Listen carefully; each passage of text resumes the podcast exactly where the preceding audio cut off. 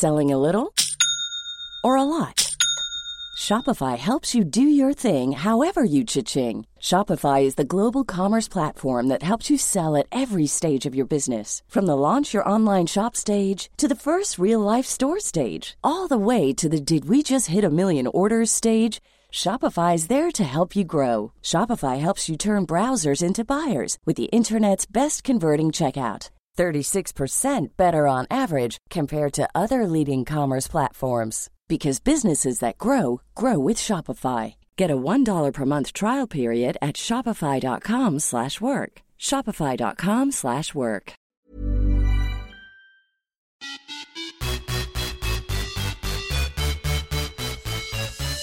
Hej och välkomna till ett nytt avsnitt av podden Viss och Svärm on the run med mig Josefin Svärm och Sara Viss. Och jag vet ju Sara, du har ju varit krasslig och jag tror du fortfarande kanske är det. Hur mår du? Eh, jag mår bra skulle jag faktiskt säga. Ja, men det hänger kvar, det är lite krassliga. Så jag, jag tror att jag låter kanske lite värre än vad jag är. Ja, och sen du är låter. ju, Ja, och min, jag tror att alltid, jag har ju mina stämband som är min svaga länk också. Så det Mm. hänger kvar alltid tror jag längre på min röst också. Än vad det är. Ja. Men annars så tycker jag energin börjar vara tillbaka. Jag har kört ett första styrkepass nu igen. Eh, sen, eh, sen efter det lilla sjukuppehållet. Så nej men det känns bra. Att jag börjar vara lite mer på gång tycker jag. Vad skönt. Så du har fått ett pass sen sist eller? Ja, ett överkroppspass. Jag tänkte nu ska jag så här, Ah. inte dra upp pulsen så mycket och så körde jag överkropp och jag kan eh, nästan inte reta ut armarna idag. jag blev lite ivrig och du vet så här, man vet så här, okej nu är det tungt men så är det så Ja. skönt på något sätt när det är tungt.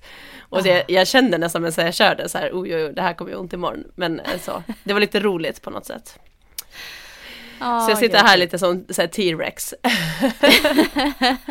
Med mina armar. Så. Men ja, jag njuter ändå. Hur mår Ja, du? Jag mår bra. Jag är helt frisk från min förkylning. Eh, har varit det sedan några dagar tillbaka. Sen lördags tror jag jag blev frisk. Ehm, och jag var faktiskt, i, i morse så var jag eh, och coachade de här eleverna som jag inte kunde coacha förra veckan. För att jag var sjuk. Just det, på din gamla skola. Ja, eh, Plattenskolan i Motala, där gick jag på gymnasiet. ehm, och idag fick jag komma tillbaka och coacha ett gäng elever därifrån. Det var jättekul verkligen. Eh, och vi var på alltså, mina gamla friidrottsbanor på MIF. Så det var så här, åh, så jättehärlig känsla verkligen. Superkul att få göra det, var det. Gud, Vad var det för som inriktning eller i vilket sammanhang eh, var det, här att du är- höll passet? Ja men det här är elever som har valt idrott 2 tror jag det hette, eh, som extra val i skolan. Så alla som var med, det var ungefär 20 stycken, eh, de är idrottsintresserade. De flesta kör någon sport vid sidan av. Eh, fotboll eh, var de flesta aktiva i och eh, de ville ha in ett kul inslag i deras eh, eh, pass helt enkelt egentligen eh, på schemat. Så då så hon som är lärare där, det är min kompis Lisa. Hon frågade mig om jag kunde komma och köra ett löpteknik, eller löppass med dem egentligen. Eh, så jag sa ja till det, så jag var där nere och körde ett löpteknikfokuserat pass kan man säga.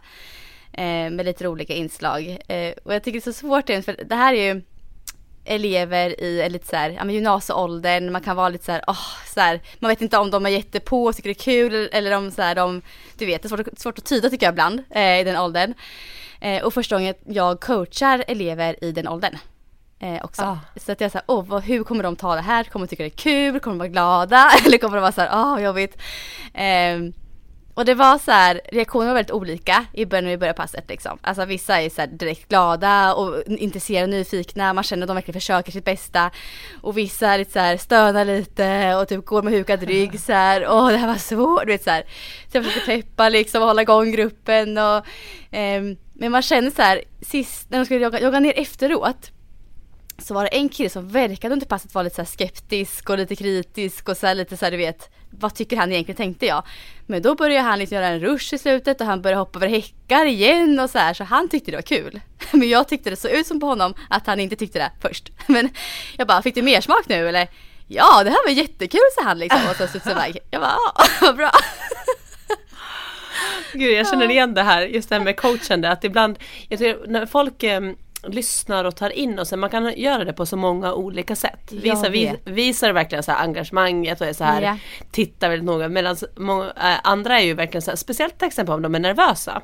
Ja. så upplever jag att man de ofta kan stå lite så här eh, tysta, fundersamma och så här, så att man som coach kan bli lite så här: okej tycker du att det här är nu det tråkigaste du har varit med om? Ja, ja.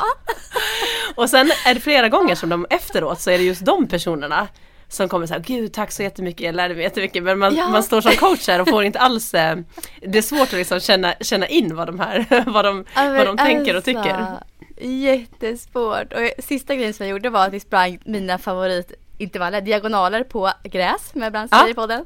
Eh, körde jag. Tänkte, Det här var kul, kan vara kul inslag att ha som avslutning. Och nu skulle jag ta sig barfota, då var de här såhär, åh barfota, men fy vad obehagligt, fy vad kallt, det kommer bli jättesmutsiga. Jag bara, Ja. nej men ta, det är ingen fara, ta av er och kör bara. Så alla plockade av sig till slut skorna, lite motvilligt så. Men sen tyckte de att det var kul. så att det var med en sån här grej. Mm. Ehm, vad bra. Ja, eh, så det var roligt. Ehm, annars, min träning Sara den här veckan har varit ganska bra faktiskt. Ja, berätta. Ehm, ja, alltså jag har ju börjat, jag har ju lagt lite fokus, ska lägga fokus på mer styrketräning nu. Ehm, och jag kommer inte köra bara kroppsvikt, jag kommer köra på gym nu. Så då blir det mera, liksom det är mer seriöst och mer så här genomtänkt kanske än vad jag brukar göra. Så jag har dels varit nere på um, friidrottsbanorna, vår inomhus, eh, en liten arena här i Motala eh, och kört lite med min syster. Där finns det nämligen skivstänger och kettlebells, hantlar och sådana saker. Eh, så vi var nere och körde lite så utfallssteg med skivstång och vi körde eh, eh, eh, backsquats och grejer med vikter och ah, eh, höftlyft med lite vikt och sådär motstånd. Eh, vilket var jättekul. Verkligen. Du, ja. jag, så, jag såg det på Instagram och jag blev Ja. typ så, så glad att faktiskt se dig lassa på lite. ja. i vikten. För jag, jag, tror att det kommer vara jättebra för, för nu, alla vet ju att jag förespråkar också styrketräning så. Mm. Men jag blev också imponerad måste jag säga över dina knäböj för du körde på 50 kilo. ja. Nu ska vi inte jämföra eller så här med Nej. någonting men alltså jag tycker att av som löpare som inte brukar styrketräna med vikter att gå in och köra flera reps, du gjorde åttor eller någonting. Ja. Jag, reag- jag reagerade ändå på att jag tycker att det är väldigt bra för en som Jaha, inte är van? Jag hade ingen aning om vad det är, om det är bra eller inte. Jag vet ju inte alls. Ja, men plus att jag vet också att du är väldigt liten och lätt i kroppen. Så att Ja. du ligger på ganska hög procent av din kroppsvikt. Ja, så att jag, jag var väldigt imponerad måste jag säga av dina eh, knäböj där. Det var roligt, vad glad jag blir. ja men då körde jag 4 gånger 8 eh, knä, knäböj med, men jag gick inte ner så långt ner för jag har ett knä som är jag är lite rädd för så jag vågar inte gå ner så långt ner. Så därför så kanske det blir lite lättare för mig också att trycka upp när jag inte går ända ner liksom i den, i det lyftet om man säger. Ehm, Ja, man behöver jag. inte alltid gå hela man vägen ner. behöver det. Nej, Ska, man ska man tävla i knäböj då måste man gå hela vägen ner. Men Ja. annars, man behöver inte alltid göra det faktiskt. Nej. Och sen så körde jag också ett, eh, på gymmet som jag kommer börja köra, träningsverket i Motala. Eh, där kommer jag ju köra nu hela höst och vintern. Och eh, jag körde lite, jag körde dels också där också knäböj. Eh, också med 50 kilo, då körde jag 10 stycken gånger 3 gjorde jag. Det är också bra. Eh, och sen så körde jag en del övningar med gummiband och det la jag också upp på Instagram så är säkert så gissar jag på. Mm. Eh, och det var övningar som Stefan, heter han Bjerkegren? Ska se här vad han heter. Jag går en utbildning för honom också ska göra på distans. Mm, inom löpfys. Ja, Stefan.bjerkegren på Instagram. Han har väldigt bra konto och han kör mycket med gummiband och ja, men mycket styrketräning för just löpare. Som är jättebra och de övningarna jag testade var verkligen, de gav sån fin effekt alltså. Jag är så glad att jag hittade de övningarna. Så nu har jag så här, bygger på övningsbanken och kommer köra fokus nu alltså på jag skulle vilja få in i alla fall två pass på gymmet i veckan och ett nere i friidrottshallen också. Så det blir tre stycken styrkepass kan man säga i veckan. Det är mitt mål här nu framöver. Eh, och sen min löpning på det också då. Så, så Men drar du jag. ner då lite på löpningen? Jag tänker för det är Ja. ganska mycket du lägger till nu med styrketräningen. Jag drar ner på löpningen. Jag tänker tre till fyra pass. Jag brukar ligga på fem minst i veckan. Eller alltså fem, ja fem, sex brukar jag ligga på kanske i vanliga fall. Så tre Ja. till fyra pass löpning får det bli eh, nu ett tag. Så det känns väldigt kul att se vad som kan hända med utvecklingen där tänker jag. Alltså styrkemässigt. För jag känner att jag hade sån träningsverk. På tal om träningsverk. Vad ont jag har haft i kroppen. Mm. Helt galet. Baksida lår och rumpa. Alltså fy. Men det är skönt. Det händer någonting.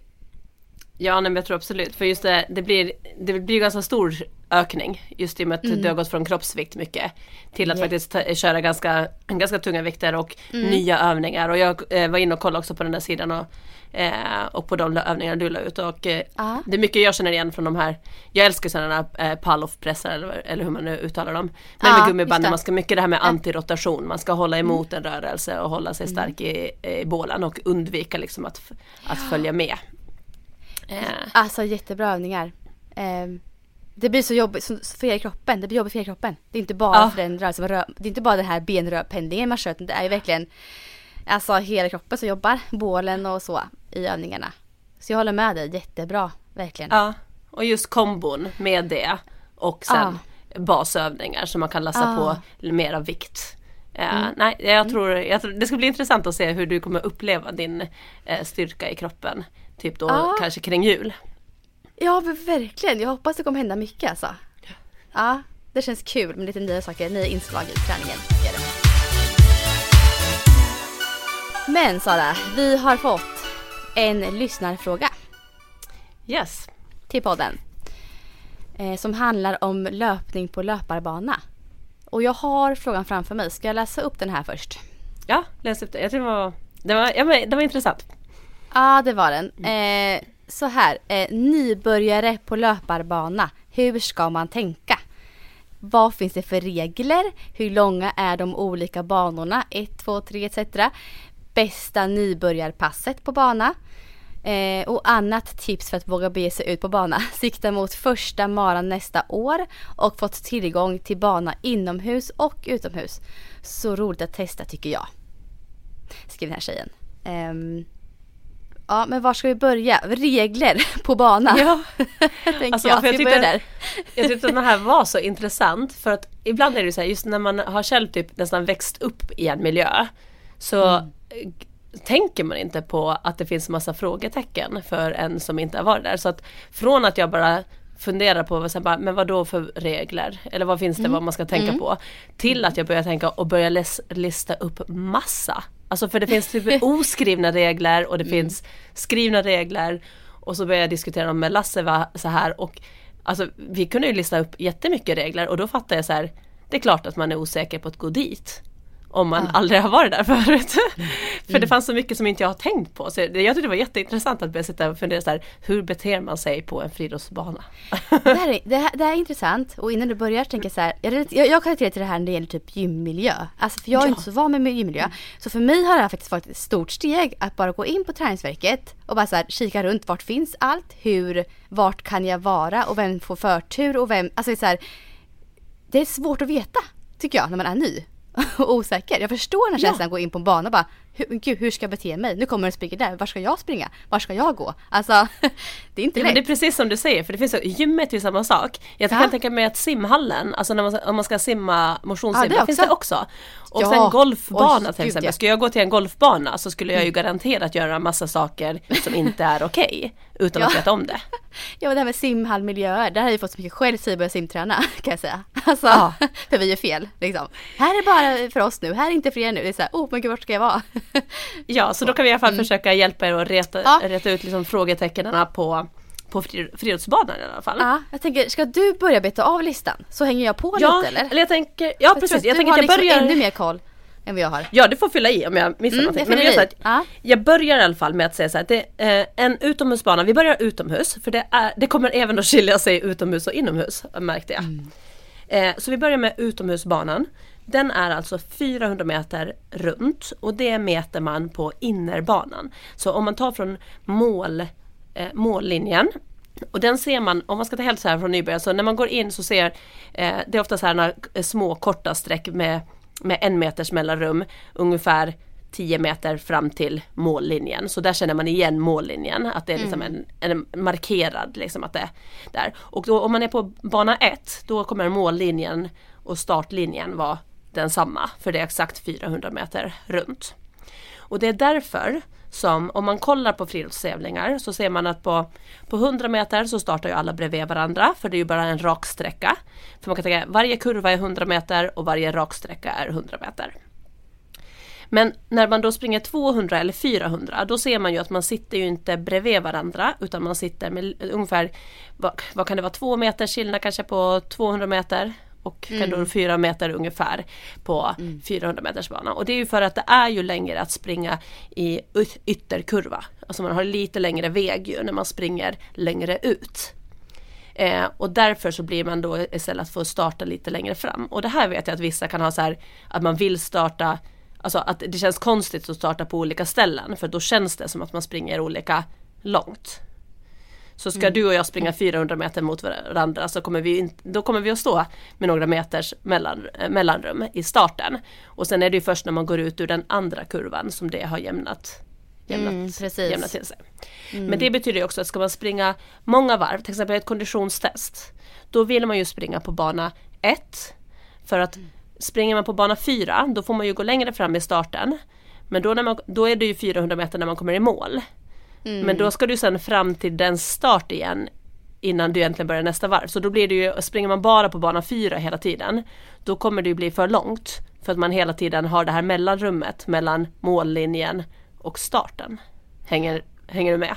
Jag hänger med. Ja, jag tror hon också gör det. Som jag tror att man förstår det. Så mm. därför så ska man springa många varv eh, så behöver man springa på bana 1 för det är ju den som går, går ihop mm, med, eh, med 400 meter exakt. Liksom. Mm.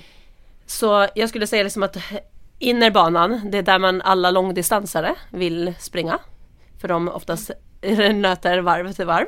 Mm. Eh, Medan i sprint så blir det ju tvärtom, att man nästan vill ha ytterbana för att ju brantare kurva det är, eh, ju mer kraft går det åt att hålla sig i, i banan. Mm. Om vi bara tar fysiken liksom. Så att ska jag mm. hålla mig snabbt in så är det svårare att spring springa i en snäv kurva än i en lite mer upprätt kurva. Så att mm. om jag ska springa 200 meter på tävling så suckar jag inombords om jag får bana 1 eller 2. Mm. Mm. För jag har mycket svårare att göra en bra tid därifrån än om jag är ute på bana 6-7. Men de, de, de, de, som är bäst i, i heaten alltid och i, i, finalen så de får ju alltid placeras i mitten av fältet, eller hur? Yes, Även på ja. de här. Och är det bäst i mitten då eller är det faktiskt bättre ännu längre ut? Alltså vart är bäst?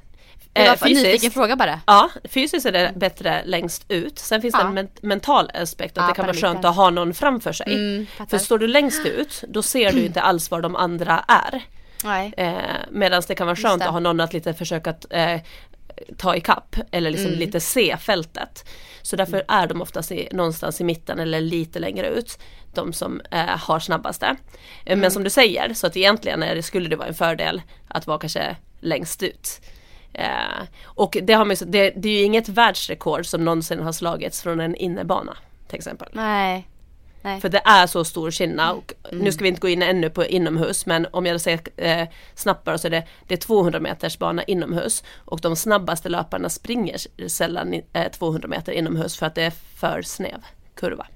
Ja, även fast det är på ytterbanan där så, så blir det ändå yes. Mm. Så, men så det är lite så här, eh, allmänt liksom om banan. Så 400 meter längst in och de här, det finns olika då starter för 200 meter och 400 och även på 800 meter så startar man på olika banor. Men på den 800 är första distansen där man efter första kurvan oftast, då brukar de ha koner och när man har passerat den så får alla gå in på innebana. Just det, ja. Och det gör de bara för att 800 går fortfarande väldigt snabbt i tempo. Och då blir, skulle det bli för mycket trängsel om man startade i en och samma klunga. För det 800 det går, det går snabbt i starten. Så då brukar de stå två personer på varje bana. Och sen när de kommer ja. äh, ha sprungit kanske då en 60 meter kanske något sånt. Så då brukar de få gå in på gemensam för då är det lite utspritt redan så att alla inte är i samma klunga. Ja, så ska jag tillägga att just de här 200 och 400 meters eh, sträckorna, de är markerade också på varje bana. Yes. Man kan hitta 200 meter och 400 meter står det faktiskt på lite efter starten där liksom på alla Exakt. olika banor vart det är någonstans. Ja.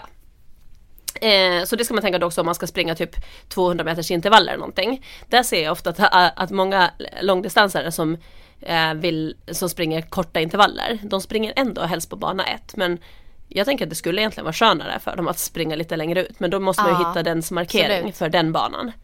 Eh, så jag tror att det är lite en vanesak också att man är van med att alltid springa på bana, bana 1. Mm. Eh, och så är det lite olika, jag märkte att liksom i en grupp med, med långdistansare som springer tillsammans. Då är det nästan regeln så att om det är någon som är lite långsammare så kanske den flyttar ut på bana två eller tre. Medan i sprint är det nästan tvärtom att de snabbare eh, får oftast gå lite längre ut. Men Just vi är ju det. aldrig in, på träning är ju vi aldrig inne på bana ett och två och tre så det brukar aldrig bli någon krock på så sätt för vi vill inte ha samma banor Nej. om man springer, springer kurva. Eh, så det är lite så här allmän fakta om liksom löparbanorna. Eh, Sen kommer man då till de här eh, vett och etikett om man säger så. Och där var det dels där med att eh, distanslöpare ofta gärna vill vara inne, sprintrar gärna på mitten eller utåt. Men det bästa är att om man kommer till en bana eh, och man ser att det är en grupp där eller folk där så tycker jag att det bästa är att gå och se, man ser oftast vem som kanske håller i träningen om det är någon tränare eller coach eller Ja. någonting. Och bara gå så här, hej jag tänkte träna lite, eh, v- vad kör ni idag, var kan jag vara så att vi inte liksom eh, springer på varandra. Och det brukar vara det absolut bästa sättet för då har man också öppnat en kommunikation med dem så att om det skulle vara att, att man är i vägen så är det lätt för dem också med vänlig ton säga liksom så här, eh, går det bra att du flyttar dig till andra sidan eller springer på bana fyra istället eller sådär. Mm. Så att det brukar Absolut, aldrig det, brukar aldrig vara något problem liksom om man liksom pratar med. Och oftast är det så här att de här banorna är oftast öppna för allmänheten. Eh, I och med att de är inte privatägda utan det är oftast kommunen eller så möjligtvis någon förening eller någon som äger eh, dem. Är det så att det är förening eller så, så kan det vara att man behöver vara, vara medlem i, en för, eh, i föreningen. Och då har de ofta så här Det kan vara att de har så här tider där man får så här träna. Att det är så här, men eh, vår förening de har torsdag klockan det och det. Och det kan man ju då också bara kolla upp för säkerhets skull om man är osäker på det ställe eh, som är nära en där man bor. Så ta kontakt med eh, föreningen som har sina träningar på det stället och kolla vad som gäller med tider och så. Men de allra flesta som jag har varit på så har det bara varit att gå in. Eh, de är sällan bokade, bara om det är tävlingar eller fotbollsmatch eller liknande. Eh, så det brukar vara bara vara att köra och ibland är det föreningar där som har bokat men de använder ju sällan hela friidrottsplanen ändå. Nej just det. Och därför brukar det aldrig vara något problem. Jag har märkt att de gångerna som jag har haft lite problem eh, nu senare år när jag ska träna. Det är när jag tränar typ här på Lidingövallen och de har eh, friluftsdag med skola. För då är det barn överallt och de har då kula, höjdhopp, 60 meter, alltså de är, då är de är uppdelade. överallt. Ja, de är överallt. Och då eh, kan det vara lite så här, och då har de oftast bokat också, så då brukar jag försöka kolla upp i förväg. Det är några veckor där på våren, eh, maj, Ja. som det brukar vara några kluriga veckor och då kan man försöka bara att inte vara där samma tid som dem. Eh, för då kan det också komma bollar flygande från olika håll. Livsfarligt. Ja. eh, och det är min nä- nästan nästa grej, är med redskap. Alltså inga bollar, inga, inga redskap som på något sätt kan vara i vägen på banorna. Eh, vi hade diskussioner hemma om det är okej med cykel eller kickbike och sånt här. Och då landade vi att så här, som tränare Absolut, om det är en, alltså, jag har sett tränare som cyklar bredvid deras adepter Ja. och det kan jag tycka är okej för att de följer reglerna fullt och hållet och de håller liksom samma Cykeln gör exakt samma sak som löparna då. Mm. Så den är inte liksom så här, men att hålla på och cykla på banorna eh, kors och tvärs, inte okej. Nej, vi har några cyklister som har kört alltså, bancykling liksom inne på Ja. ja. inomhushallen där vi har tränat. Jag var så chockad första gången. Men gud hur klarar ni av att cykla på den här, så här 200 meters banan liksom? Det känns jättesnävt och läskigt. Men de körde det på där. Ja. Rätt fort alltså. Och då har de säkert någon form av bokning skulle jag gissa. Ja, ja, det måste de ha haft alltså. Ja, där. för ja. cykel inomhus, det, blir, det är nästan läskigt Det blir att springa. farligt. Ja. Ja, ja, nej det skulle inte gå. Men som man kan säga liksom, det är också att eh, löparbanorna, den, man springer ju alltid liksom, det blir mot urs. Mm. Eller hur? Mot, Ja, ja. det blir det. Så, ja. så tempot är där och det är det som också är lite konstigt med friidrott, att man alltid springer åt samma håll. Så det är ju inte liksom det här skonsammaste för kroppen att, att man vänder och kör åt andra hållet. Utan. Nej. exakt, så det kommer alltid vara ytterbenet som är, är, eh, jobbar på ett annat sätt än innerbenet. Så man kan bli lite sned om man springer väldigt mycket. Ja, det är fan sant. Ja. Eh, däremot så brukar det kunna vara så att vid uppvärmning, det här gäller oftast också då inomhus men ibland på utomhus också, man kan ha lite koll på det. Så när man ska värma upp då vill man undvika att springa på bana 1 för det är oftast den som är mest Ja. där snabbare löpare springer sina intervaller då. Eh, och på många ställen så ser man nästan att uppvärmningen också går åt andra hållet. För då möter du löparna. Så då har du hela tiden koll. koll. på när de kommer. Och så gärna då ytterbana och kanske åt andra hållet. Då kan du inte göra fel i, i alla fall för att du kommer, du kommer att ha koll på dem och de ser också eh, löpare som kommer i hög hastighet, de ser att du har koll på dem.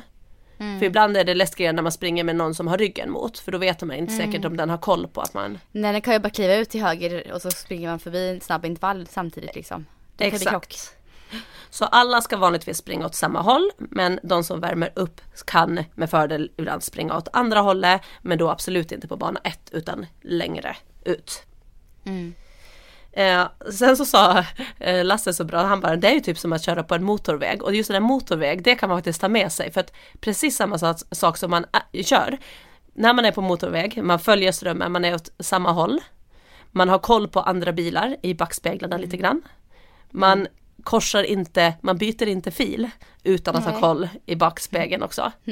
För det kan komma någon som kommer jättesnabbt på eh, bakom en på banan utanför eller någonting och så viker man av. Så alltid ha koll på andra löpare då.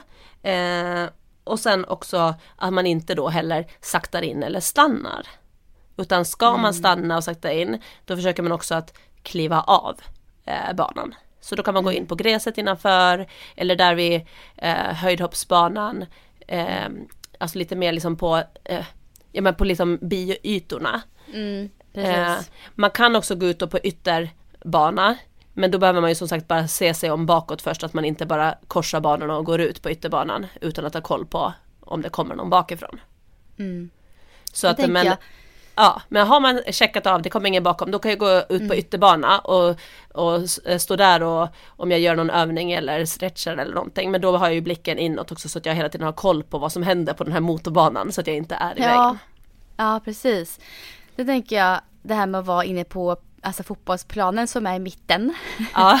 Eh, det kan vara känsligt. Och Mm. vara där och springa omkring vet jag på många platser. Så man ska vara försiktig, eller fråga i alla fall om man kommer dit om det är okej att vara där eller om man, inte ska, om man ska undvika det.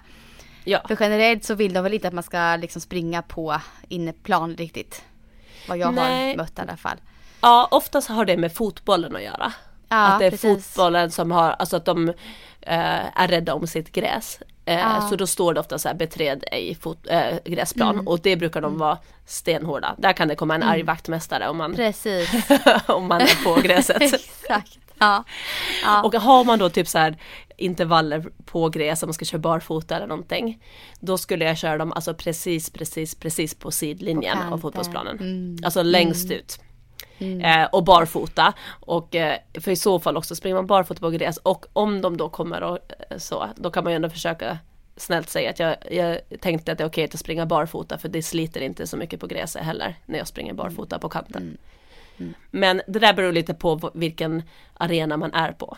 Typ Stockholms stadion så är det, där, är de, där vill de ju såklart ha jättefint gräs. Ja. Eh, i så, vissa ställen är ju mer för nästan bara friidrott och då kastar de ändå spjut och slägga och grejer där så då är det inte så. Just det, det är klart. Mm. Så det beror lite Ja det är lite på. olika men man får nog kolla, kanske kolla upp det eller höra med någon i alla fall. Om Ja. man är osäker eller undvika det tills man vet att det är okej. Så Ja, jag skulle säga att de lite större finare arenorna, där brukar man inte få beträda gräset. Om de Nej. även har ett så här hemmalag fotboll, alltså som Mm. använder samma arena. Eh, då brukar man inte få. Annars så brukar man få och då brukar eh, där kan man ju veta även om man inte själv är där och springer men man kanske är med sina barn och spelar lite Ah. fotboll eller någonting. Eh, så den har jag faktiskt också satt upp som en vett och etikett är att eh, överlag att ha barn på friidrottsbana. Jag tycker det är jätteroligt att uppmuntra till rörelse, träning, hoppa höjd och sådant men då måste man som vuxen ha 100% koll på sina Ah. barn. Ja, För det är så lätt hänt att de springer ut på en bana oh, gud ja. Och kommer någon, alltså då ska vi tänka att när man springer, alltså sprintar, alltså i spikskor och sprintar, alltså det är 30 km i timmen som, alltså snabbare för vissa och att både för barnet men också för den som springer att måste panikbromsa i spikskor, det går typ inte utan Nej. att man går sönder.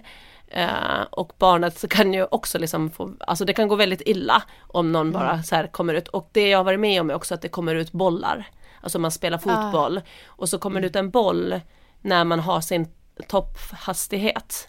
Ah, Joggar man kanske det inte, då kanske man bara slår tillbaks den och skrattar lite. Men springer man en, alltså en 100 meters, två, alltså så, då eh, hin- hinner man kanske inte parera det. Nej. Eh, Det där, alltså det där med att komma ut barn på banan, det, det var vi med om. Jag var ju löp, eller friidrottstränare till mina barn för ett tag sedan. På en inomhusarena vi har. Eh, då så var det en tjej som sprang en eh, intervall runt banan så. Och så var det samtidigt ett syskon till någon som satt på, på, på en liten läkt- miniläktare som gick ut på banan. Precis när hon kom. Så de krockade ju. Så hon sprang in i honom rätt hårt alltså. ja, En rejäl smäll alltså. Så det är så lätt hänt. så, jag- Så verkligen. Så det är så här, samtidigt vill man ju uppmuntra tycker jag, ta, ta med barnen dit och vara. men Ja, liksom, det man måste komma ihåg man att eh, ju. Det är en vuxen som har ansvar. Men det är inte läge att stå liksom och eh, hålla på med mobilen eller prata och titta i, prata i något samtal, alltså något sånt. Utan då är man där och liksom är, har full koll. För man måste tänka att man är ögon för för barn i den åldern har ju inte heller den split vision att de kan förstå vad som, att en Nej. springer där och den kommer snart, alltså de har svårt att förstå eh, hur snabbt det kan gå. Mm. Eh, och där tänkte jag också säga, för det här har jag varit med om några när man står då och spelar fotboll. Eh, eller de, oftast är det att man står och eh, skjuter mål, så en är målvakt och så står man och sparkar eh, på målet. Och det är också då att i, ofta så är de här målen, att eh, om det är på en sån mindre, att de har spelat sju man, alltså den står liksom på på långsidan istället för kortsidan. Så målet står med ryggen mot löparbanorna på rak Ja.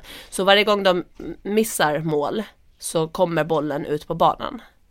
Och det är en sån här bra tanke, bara, för där har jag faktiskt flera gånger gått och sagt till och hjälpt dem att lyfta målet och svänga på det så att bollarna inte kommer ut.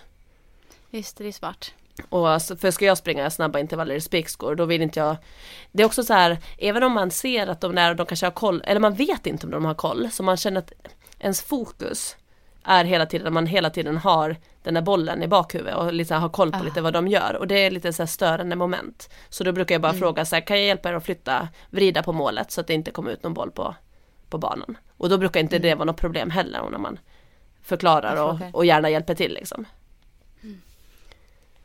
så det är sådana små saker som jag tycker som, eh, som kan vara bra att eh, känna till. Att det där kan vara liksom lite känslig känslig eh, ja, att, att göra liksom. Så att, och jag brukar också så här, är jag med, har jag haft med Rasmus och någonting, då har jag också ett tydligt visat till de som springer så här, att jag är här och leker med men, men jag har tydligt koll på honom. Har du fått med hela listan? Jaha, på, på utomhus. På utomhus. Men det här är bra. Jag tror det har varit väldigt många bra grejer här faktiskt som man inte tänker på. Som ni. Ja. Ja, och jag tänker man behöver inte oroa sig så här att man aldrig skulle vara typ tillräckligt bra eller snabb eller så Nej. springa på ett visst sätt för att gå utan det Nej. spelar ingen roll. Och just att jag skulle säga att de flesta av motionärer som springer att eh, Bana 1 är ju oftast det som man springer på och det är helt okej att springa på det. Och även om det kommer typ en snabbare löpare så skulle jag fortfarande, om, om du springer intervaller, då ska jag ändå Ja. bara springa på eh, bana 1 om inte man har pratat och frågat om de hellre vill att man springer på en annan. Men annars hålla sig där för att håller man sig fint på bana 1 och ganska långt in till kanten då går det jättebra för dem att varva en. De behöver ju liksom inte Precis. springa Jag ska springa om bara. Exakt, de springer om en. Så att, men då kan det vara bra att verkligen hålla sig också så här att man springer fint på bana 1 och ganska långt in på bana 1 så att man inte håller på liksom zigzacka på något sätt. Nej men precis, det tänker jag. Och om man själv är den som kanske springer om någon så kanske man kan typ hojta till. Kommer höger eller så här. Alltså man säger till så här. Så kommer på höger sida. Så man vet om det. Ja. Ehm, kan också vara bra tror jag. Var tydlig med det. Ja precis, och bara för kommunikation, det tror jag är absolut det bästa där på banan. Det brukar jag Ja. alltså också, ibland om, om någon inte har sett att jag springer, då kan jag ju medan jag springer ibland också ropa så här, bana fyra, och då vet de så här, Mm. då ropar jag banan jag springer på. Så då vet de att då, det är som att man fattar också att, att då det är bana fyra man ska akta sig för. Ja, Eh, det verkar folk fatta. För det är nog det man använder. Man ropar numret på banan ifall att det är någon som Ja. eh, för ropar man bara typ såhär akta, akta, då vet de inte riktigt vart man, alltså Nej, vart det såhär, går, vem, åt höger vem är vänster. ja. Ja, precis. Nej men det här att jag tror att alla typer av löpare faktiskt ska våga sig dit. För att jag tänker också på det här, de gångerna som jag har varit på löparbanor så har det verkligen varit en blandning av folk. Ja. Ja. Framförallt när jag har varit i Stockholm på stadion där. Mm. Det är alla typer av människor. Det är inte bara de här riktiga löp, elitlöparna, det är verkligen en blandning av människor som ska inte vara rädd för att ta sig dit. Nej absolut och jag tycker ofta är också folk väldigt hjälpsamma. Ja, så, att, så därför jag tycker att det är lättast, är du osäker, fråga någon av dem som verkar ha koll eller de som är ett stort gäng. Mm. Antingen kanske du får vara med eller så frågar du bara så här var, Ja. var är det okej att jag kör? Liksom, jag tänkte, jag Ja. tänkte köra de här intervallerna, 400 Ja. meter. Är det okej att så här, var, var Ja, ska jag vara? jaha, och sist jag var i Stockholm så hängde jag på ett gäng löpare ju. Ja. Berättade jag om i podden. Det, alltså det är, så här, det, är ganska, det är bra människor som är där nere och kör oftast. Ja. Så bara kom ihåg den här motor, motorvägen liksom. Alla är sam, Mm. åt samma håll, eh, se dig för när du byter eh, fil och sen just ingen, ingen gåvila eller sittvila på banorna. Man kan, Nej, men man kan hoppa in precis. bara precis innanför. Eller alltså som, det, det finns ju ytor ändå men att man, man springer på banorna och sen om man ska göra någon efter stretch eller styrka eller någonting då finns det andra ytor ändå inne på friidrottsbanan eh, för det. Ja, och är det väldigt några människor då kan det såklart Ja. gå också. Om det är Ja. typ det, du och en till, ni har varsin bana. Alltså det beror på hur fullt det är. På. Exakt, Och oftast är det banorna. inte så mycket full. så Nej, är det inte. det är inte Speciellt inte, på de här mindre ute, ute i mindre städer. Nej, det är det inte. Brukar det inte vara. Mm. Eh, men sen skrev hon ju att hon hade tillgång till inomhus också. Mm. Eh, och där så tänkte jag bara säga att där är det eh, Där är det oftast mer trångt. För där är det som sagt det är 200 meter runt så den är mycket mindre. Det finns inte lika mycket sådana eh, biytor innanför utan ibland är det någon eh, boll, eh, alltså fotbolls, liten innebandyplan eller någonting. Eh, det beror lite på, i, i vissa hallar så är det eh, höjdhopp och sånt på insidan och sådär. Så det ser lite ut olika. Eh, men här blir det igen då, som jag skulle säga att uppvärmning åt andra hållet. Allra helst värma upp någon annanstans, alltså kanske ute innan. Ja. Alltså, man behöver För de är ganska köra... små de här arenorna oftast, de här 200 meters Yes, banorna. Och då finns ja. oftast max fyra banor. Ute är det oftast Mm. sex eller åtta. Men här är det de, dels är de smalare banorna, de är inte lika breda som utomhus. Och de är max fyra stycken. Eh, och det är 200 meter runt och de här lutar ju i kurvorna också. Det kan också vara något som Mm. är bra att känna till. Att de, och det lutar och det är just det här för att man ska kunna springa snabbt eh, i kurva. Så det jag var inne på utomhus att det blir svårare ju snävare kurva det är. Inomhus är de för tajta eh, för att kunna springa snabbt men därför lutar kurvorna så att du kan eh, hålla dig mitt i banan Mm. Alltså det är väldigt jobbigt att jogga i kurvorna där Exakt. inomhus. Så jag, ska, ja, så jag skulle ändå inte riktigt rekommendera att värma upp eh, där inne. Ibland har de en bana innanför första banan. Yes. Mm. Och då, den är ju då platt för den lutar inte för den är, liksom, den är inte uppe på löpbanan men det är som en till bana på insidan kan man säga och den Ja. är då för uppvärmning. Mm. Eh, så att, men eh, som sagt det är 200 meter ute då och de, nu är jag inne och de lutar. Eh, försök att tänka så lite tid som möjligt på banan. Det är självklart att du ska göra dina intervaller där. Men som sagt ingen gåvila, ingen sittvila eh, och gärna uppvärmningen också. Antingen om du kan göra den ut, utomhus innan eller om det finns något annat ställe som är liksom utanför själva löparbanorna. Ja. Om det Eh. inte är väldigt lite folk där. Ja, exakt. in, Då kan man springa. innebanan som är platt Ja, i så fall. Exakt. Eh, så det beror lite på vilka tider man är på Mm. ställen också. Eh, Övriga tips skriver jag också upp, liksom så här som många som har sprungit mycket eh, annars, både med intervaller och vanligt, det är att när du springer på bana så använd hellre liksom en vanlig tidtagare, alltså du kan ju ha din pulsklocka, men eh, att inte använda GPSen och springa efter den, för det vet jag att många vill fortsätta kolla på den. Och den synkar inte alltid helt och det känns onödigt att ha den när du är på en exakt, exakt kontrollmätbana. Mm. Så hellre då räkna ut vad du ska ha för varvtid och göra sådana lapp på din klocka, liksom att du kan få för varje, att du håller samma varvtid. Till exempel att du ska springa varje varv på två minuter eller vad det. Mm. Eh, och så checkar du av så istället. För GPSen kan visa att du har sprungit 400 meter när du har 20 meter kvar. Och det kommer ju inte att stämma för att friidrottsbanan kommer att ha rätt. Ja, ja precis. Eh, och. GP, ja, och GPSen kan ju vara lite sådär att den justerar och det blir ganska bra i slutet på ett så här. Men att den kanske inte vet exakt på metern hela tiden. Eh, och då blir inte det riktigt Precis. rätt när du springer på en friidrottsbana. bana. Eh, ja, så det och sen då som sagt igen bara kolla upp vad som gäller hos dig och speciellt inomhus för där kan vi ha lite andra regler med föreningar och sådant i och med att det är mer trångt också. Mm. Men det går absolut att eh, ta reda på. Eh, vissa ställen kan man betala per gång. Inomhus brukar det alltså kosta. Eh, utomhus så brukar det vara gratis. Jag har inte varit med om att jag har behövt betala någonstans i Sverige. Och då har jag varit på ganska många ställen i Sverige ja. och träna. Ja. Och i Finland. Eh, jag tror i Motala så är det om du är medlem i föreningen eh, här så får man köra på banorna. Men annars, det är inte för allmänheten här i Motala ute. Nej. Tyvärr. Eh, men eh, inomhus så är det några tider i veckan som är allmänhetens tider. Så då får man köra inomhus gratis vissa pass ja. i veckan. Och det är då vi är på söndagar nere och kör. Brukar vi göra. Ja men vad bra. Och då är, så där får man ju kolla upp olika. då. Ja. Och varför det är så liksom, och är man liksom så här Alltså skulle jag vara på besök någonstans och typ är i tävlingssäsong och behöver, då hade jag kontaktat föreningen och bara så här, Ja, då får man jag kommer, säkert ändå. Ja, jag tror inte att det är något ja. problem då. Och Nej, jag, jag vill jag komma och gästa och träna. Mm. Mm.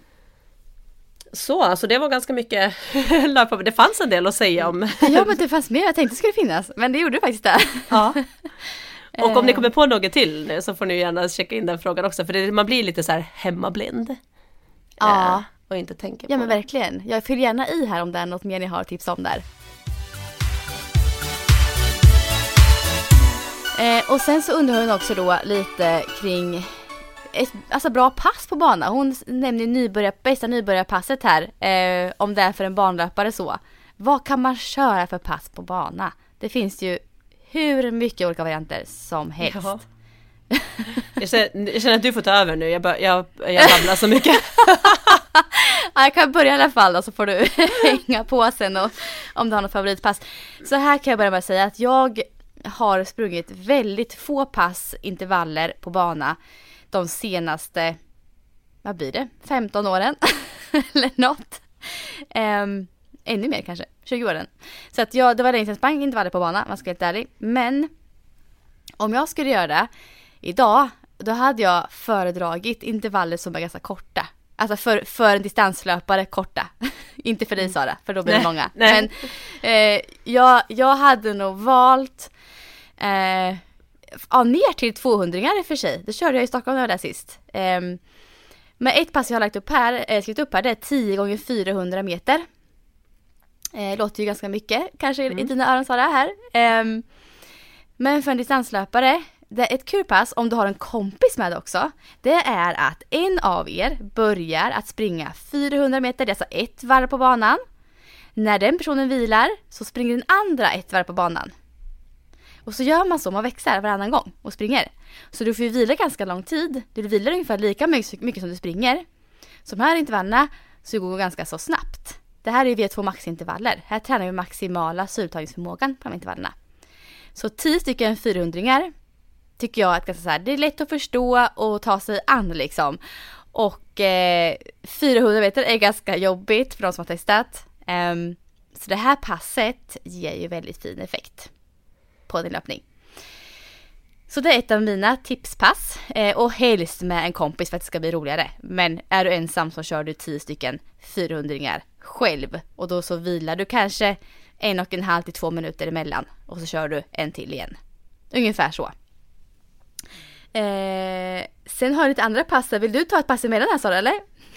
Eh, ja, det kan jag göra. För jag, jag har också skrivit upp ett, jag är med, helt med dig på det här med att hellre eh, lite kortare intervaller. Ja. Eh, för att det är lite det banan är till för att fördelen med att springa på banan det är att du får helt platt underlag. Eh, du får mm. likadant, alltså du kan springa likadant varje intervall. Mm. Eh, så att jag skulle hellre, just sådana pass där man verkligen vill kanske ha koll på sin tid och var man ligger, då är det jättebra att göra på bana för du vet att du kan upprepa samma, samma sak. Så, för tester och sånt är det också jättebra att springa på bana. Men mm.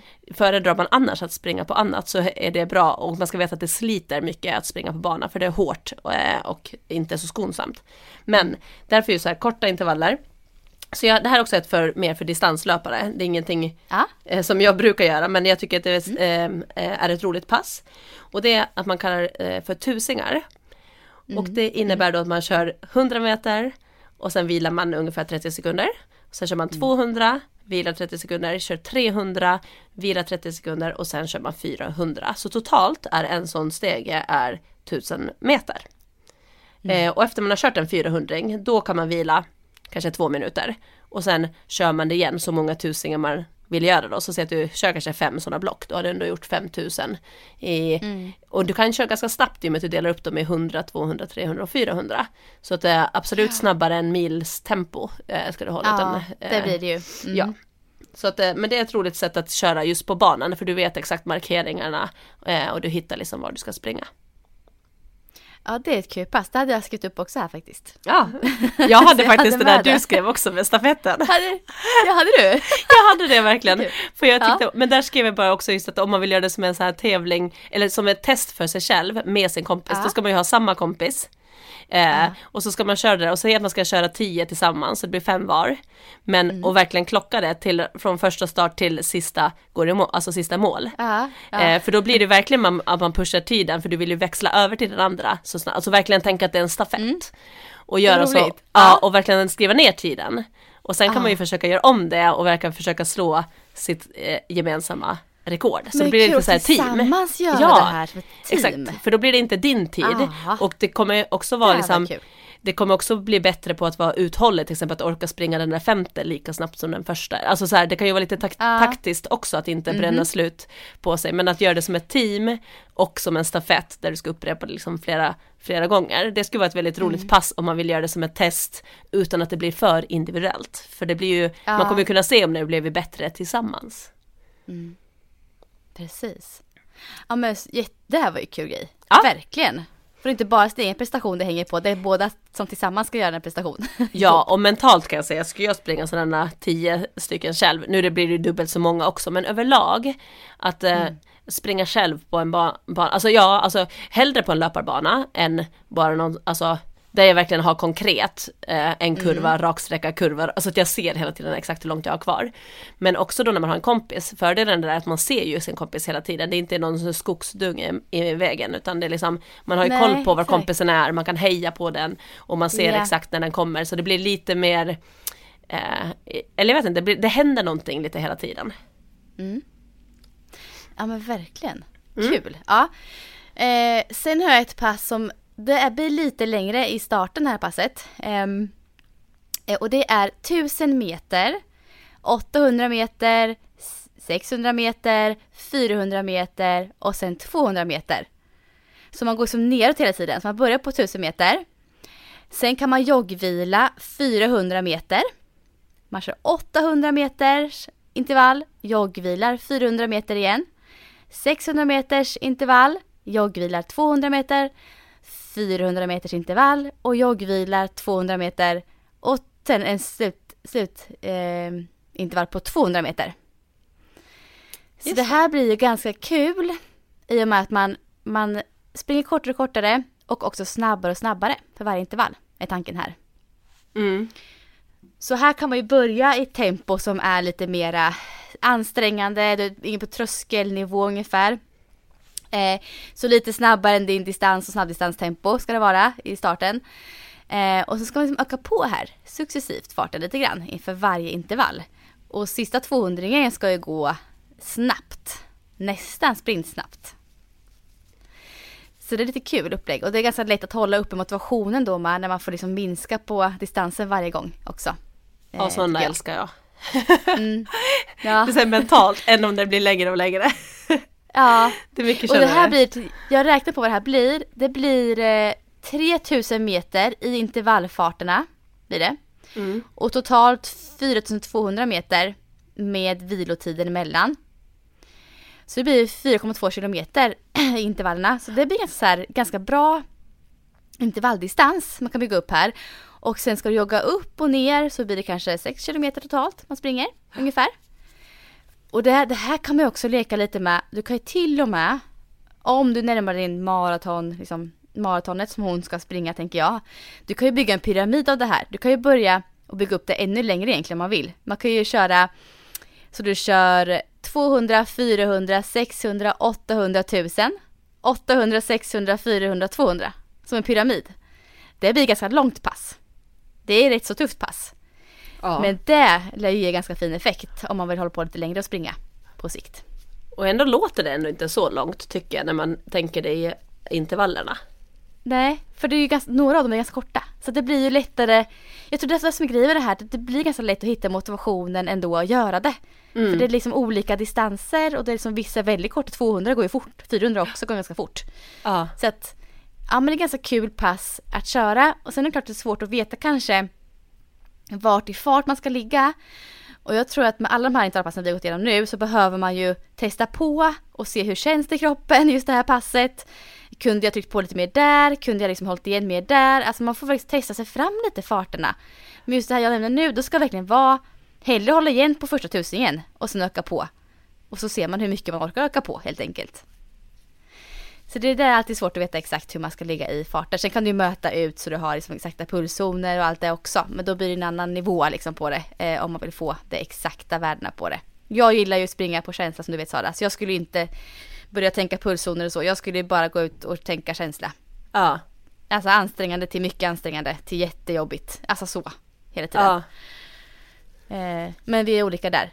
Men som sagt det kan man ju mäta så man skulle vilja gå in specifikt på eh, verkligen eh, pulszoner och, och så vidare. Ja och jag är till och med så här vad ska jag säga, uppväxt på banan med att man äh, vet vilken tid man ska ligga på. Så jag, Exakt, jag har inte ens kört så mycket pulszoner liksom. heller utan Nej. jag har ju mest använt bara ett sånt billigt stoppur. Nu är det som man kan köpa för 50 men det, kronor. Det är det bästa jag vet. Ja, men och då att man ska veta. Ja men din syster la upp det, Hanna, på Instagram ja. någon dag och frågade vad tycker ni, vad, vad får känslan när ni ser det här, stopp, gammal stoppur liksom. Ja. Och jag bara älskar det. Och den hänger ju kvar i friidrotten för att vi behöver inte veta ja. vilken, alltså vi, vi, behöver inte alla finesser som en, kanske en eh, dyr pulsklocka har, speciellt inte liksom i sprinten. Mm. Utan.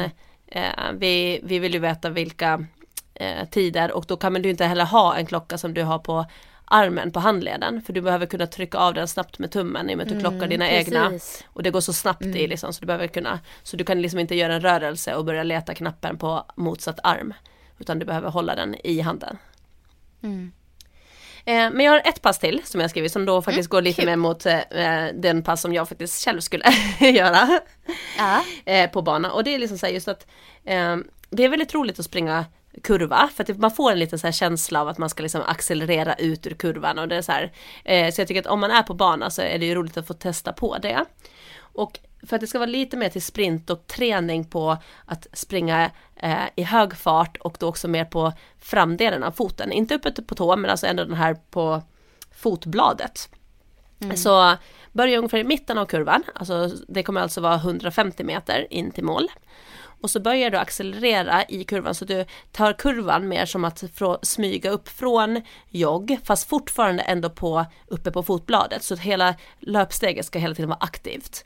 Men att mm. du successivt ökar, ökar, sen när du kommer ut i kurvan då trycker du på lite till men fortfarande inte max utan eh, först de här sista kanske 40-50 metrarna där börjar du trycka på så det blir som en, ett stegringslopp men ganska långt, mm, det är 150 meters. Mm. Och här ska mm. då fokus vara på att vänja sig på att också komma upp på foten och det här med typ att, äh, att knäna kommer upp högre, det kommer automatiskt komma när du börjar springa snabbare och snabbare. Så men att redan från början innan start kanske ställa sig lite på fotbladet, eh, spänna rumpan eller trycka fram höften lite grann och luta lite framåt. Man behöver inte tänka på det här jätte upprätt stolt hållning utan hellre nästan lite framåt eh, mm. lutad mm. och lite, ah. lite, nästan lite mer åt krummat hellre så att du verkligen får den här farten framåt. Och mm. fokus bara på att springa just på högt upp på foten. Det gör ingenting att hälen tar i men har ändå, ha ändå som fokus att du ska försöka liksom, eh, landa och hitta ett liksom, snabbt steg uppe på fotbladet. Det skulle jag säga att det är en jätte eh, pass på bana som, eh, som man liksom då får känna på lite den här jag vet inte, den här fartkänslan som det känns ja. som att man vill ha på bana. Ja, hur, hur, mycket, hur många kör man? Alltså av det här? Ja det beror lite på, men jag skulle kanske då bara, om man har det som pass, då kanske jag kör en ja. eh, tio stycken och så går du tillbaka på varje. Så du kan gå lugnt tillbaka 150 meter också. Så det blir ganska lång vila. Den blir nog säkert då eh, två minuter ungefär. Ska jag säga att det kanske tar att gå. Ja. Och sen gör du det här igen. Och känns det lätt så då accelererar fortfarande inte tidigare utan då accelererar du bara mer. Du kan accelerera Först smyger du upp ut ur kurvan och sen trycker du på när du kommer ut ur kurvan och sen trycker du på när det är 50 meter kvar. Men däremot så kan du ju ligga eh, ganska högt ändå på dem men du ska ändå kännas tydligt att du inte liksom eh, gasar på för fullt från början utan du ska hela tiden kunna öka eh, mot slutet. Men det är ett så här Gud, roligt pass. Ja och då får man verkligen känna på lite det här med att man sprintar och man får ta i och man får känna den här känslan att komma snabbt ut ur kurvan. För det är någonting roligt med det tycker jag på banan. Ja men verkligen. Ja, det lät som ett jättekul pass som verkligen ger väldigt mycket löpstyrka och också teknik. För du får verkligen in en, det här blir en fin hållning, alltså fint sätt att springa tänker jag också. Ja. Alltså det blir, du tvingar in dig i ett löpsteg som är mycket mer sprintlikt än ett Ja, vanligt. och det är ju, eh, syftet är ju här också att det ska vara mer mot sprint. Eh, så att det är Ja, därför det här, exakt. för att, eh, det är därför vi också då kanske tränar på att vara högre upp på, på fotbladet och luta framåt Ja. och det här. Så att man vågar testa springa så man ska inte liksom orka springa sådär eh, länge. Inte en 800 meters intervall liksom. Nej, nej, nej, det ska bli jobbigt. Mm. Ja men kul. Då har vi gett några sådär pass i alla fall som man kan testa på på banan, som vi i alla fall tycker om. Ja, Så hoppas att både hon och kanske de som lyssnar eh, också tycker att det kan vara så inspirerande och kanske ta efter något av passen som vi har nämnt här idag tänker jag. Och eh, nu vet jag också att du Sara har, du har ett lopp på gång. ja precis. Höll på att säga. Men, ja, Nu- berätta. Eh, nu när ni lyssnar på det här har ni säkert kanske redan nu kommit i mål på vårt Vitamin Well Hope Precis. Run of Hope. Ja. Men Ja. jag har ett till välgörenhetslopp som, eh, som är redan nästa helg och det här blir nu då mer till er eh, åländska lyssnare för jag vet att vi har några lyssnare på Åland också. Det Eh, har vi. Ja, så jag vill bara tipsa er om eh, loppet Karlsro Cancer Run som kommer att vara söndagen den 27 september, alltså om en vecka om ni lyssnar på det här idag nu söndag. Eh, och det är klockan 12 och det är ute på Fögle då på det här Karlsro badhotell. Eh, och det är ett lopp där allt överskott går till Ålands cancerförening. Det kostar 20 euro att vara med och man kan välja mellan 5 och 10 kilometer. Och så kommer de även ha ett knattelopp som är gratis att, dela, att, att delta på och det är en kilometer långt. Så nu verkar det också som att de här coronarestriktionerna, att Finland har öppnat upp gränserna. Eh, så jag var helt inställd på att jag skulle få göra det här på distans. Men eh, nu ser det ut som att jag ska få åka hem till Åland Josefin. Du ska det alltså? Om det, om det ser ut som nu, om vi Ah, håller oss friska, men- jag är glad att, jag, att vi, jag kommer ju vara helt frisk tänker jag att sno, Ja, eh, nästa du. vecka. Så Ja. håller vi oss friska och att de inte ändrar de här nu från, från och med alltså lördag, alltså igår, om Mm. blir det, så öppnar de upp eh, ehm, Ja, de öppnar upp så man kan åka till Finland utan att sitta i karantän två veckor. Eh, Gud vad bra. så jag har ju inte varit där på Men över ett halvår. Och eh, det ska bli, då, i så fall åker vi hela familjen, även och Ja. springer också, hela familjen. Och träffar mamma och pappa, de har ju inte träffat Lias ännu. Och eh, Nej men gud. ja, de har inte sett Rasmus på över ett halvår. Och sådär, så, att, och så jag blev så glad, dels att få åka då hem och träffa dem, men också att, eh, att det passar sig att det blev precis nu. För att jag har varit ambassadör för det här eh, loppet och det är en kompis till mig som anordnar det. Och jag vill jättegärna eh, vara där och eh, gå slash springa. Jag tänker smyga Ja. Mm. in lite jogg känner jag att jag är redo för. Spännande. Ja. Mm. Men, nej men så det känns jättekul så att jag tycker är du på Åland den 27 september så kom ut till Fögle och eh, spring för Ålands cancerförening. Det blir jättekul. Ja. Ja. Ja, gud vad härligt. Vad glad Ja. jag blir för din skull Sara. Ja, Hoppas du får åka. ja jag hoppas verkligen det. Ja. ja, nej men tack för att ni lyssnar på oss som vanligt. Ehm, och eh, lycka till nu Sara på loppet. Och lycka till alla som springer vårt lopp idag, eller har sprungit idag kanske till och med. Ja, en high five till oss. Ja, high five till oss alla. Exakt. Eh, ha det så bra nu. Detsamma. Ha det bra. Hej. Hej då.